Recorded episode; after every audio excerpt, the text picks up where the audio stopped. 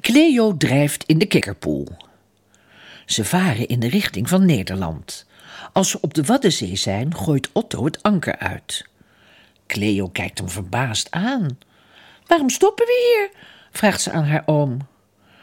Kijk eens naar dat prachtige uitzicht. Zullen we er samen een mooie schilderij van maken? vraagt Otto.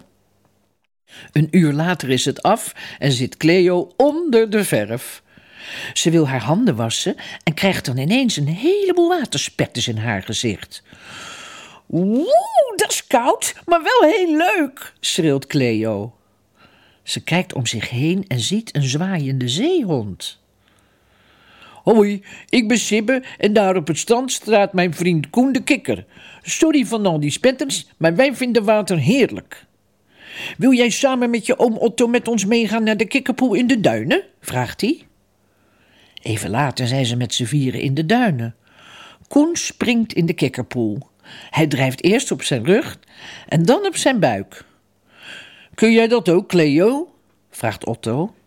Ik weet het niet, maar kan het wel proberen, antwoordt ze.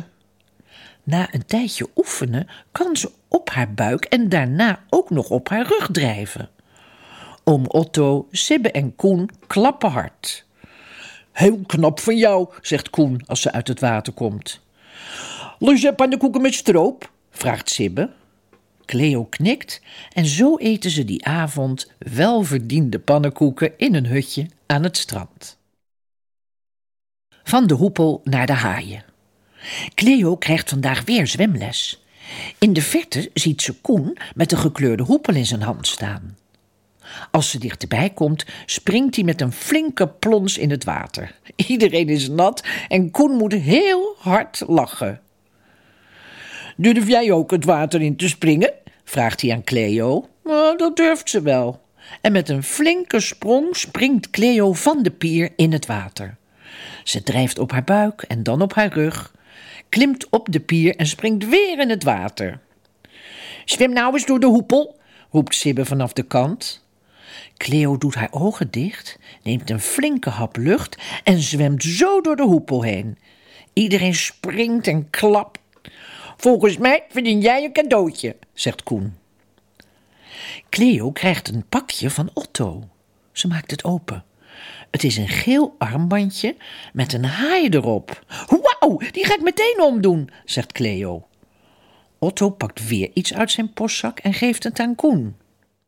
Ga jij binnenkort naar Rotterdam? vraagt hij aan de kikker. Koen knikt. Kan jij dan deze brief aan de familie Otter geven? Dan weten ze dat Cleo samen met mij een wereldreis maakt, legt Otto uit. Ze nemen afscheid van elkaar en zeilen weg. Waarom staat er een haai op mijn gele armband? vraagt Cleo. nou, dat merk je wel als we in Afrika zijn, antwoordt Otto.